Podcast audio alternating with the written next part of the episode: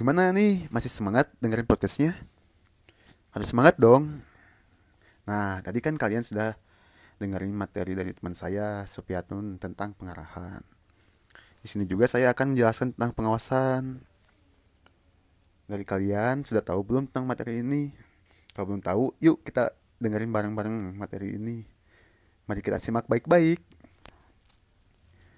Nah, pengawasan ini adalah kegiatan untuk menjamin kegiatan atau program telah berjalan sesuai dengan perencanaan untuk mencapai tujuan.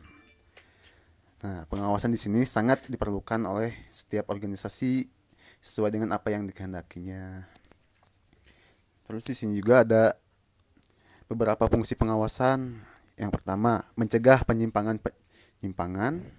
Kedua, memperbaiki kesalahan.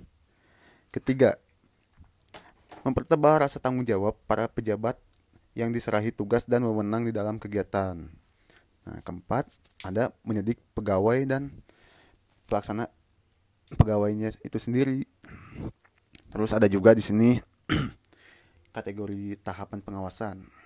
Yang pertama ini ada pengawasan preventif.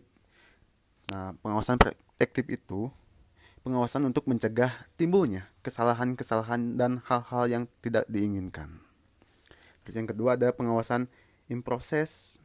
Nah, pengawasan ini yang dilakukan pada saat sedang terjadinya penyimpangan atau kekeliruan dengan dimaksud agar kembali sesuai dengan rencananya.